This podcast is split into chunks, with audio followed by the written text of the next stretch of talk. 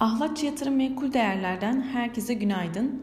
Dün içerideki en önemli gündem maddesi Merkez Bankası faiz kararıydı. Merkez Bankası Başkanı Kavcıoğlu'nun bir önceki toplantıda bir miktar daha yerimiz kaldı demesinin ardından dün 100 bas puan daha faiz indirimi gerçekleştirilerek politika faizi %14'e çekildi. Kararın ardından dolar TL'de 15 lira seviyesi geçilerek 15.70 seviyesine kadar bir tepki verdi. Bugün kurda yeni zirve seviyeler olan 15.85'lerin fiyatlandığını görüyoruz.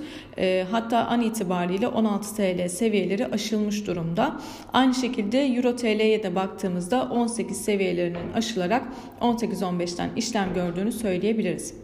Ee, peki detaylara baktığımızda hangi vurgular önemliydi? Karar metninde faiz indiriminin tamamlandığı ve 2022'nin ilk çeyreğinde para politikası çerçevesinin gözden geçirileceği ifade edildi. Kurda bu anlamda 15.95 ve 16 seviyeleri önemini koruyor.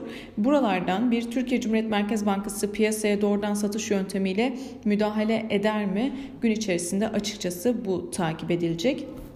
Küresel piyasalara baktığımızda Asya borsalarının başlıca merkez bankalarının bu hafta gerçekleştirdikleri toplantılarda küresel enflasyondaki yükselişin yarattığı tehditlerin altını çizilmesiyle birlikte yatırımcılardaki risk iştahının düştüğünü gözlemliyoruz. Dolayısıyla Asya piyasalarına baktığımızda özellikle satıcılı bir seyrin e, olduğunu görüyoruz. Major Merkez Bankası kararlarına baktığımızda bu sabah Japonya Merkez Bankası'nın politika faizini değiştirmeyerek eksi 0,10'da sabit bıraktığını söyleyebiliriz. Dün İngiltere Merkez Bankası piyasa beklentilerinin aksine sürpriz değişikliğe giderek ülkedeki rekor düzeyde gerçekleşen enflasyon rakamları sonrasında politika faizini %0,10'dan %0,25'e yükseltti. Böylece salgın sonrası faiz artıran ilk büyük banka oldu. Banka 875 milyar sterlin seviyesindeki varlık alım programını değiştirmedi. Avrupa Merkez Bankası'na baktığımızda güvercin tonda sinyallerin e, verilmeye devam ettiğini gördük. Avrupa Merkez Bankası Başkanı Lagarde 2022'de faiz artırımının çok olası olmadığını söyledi.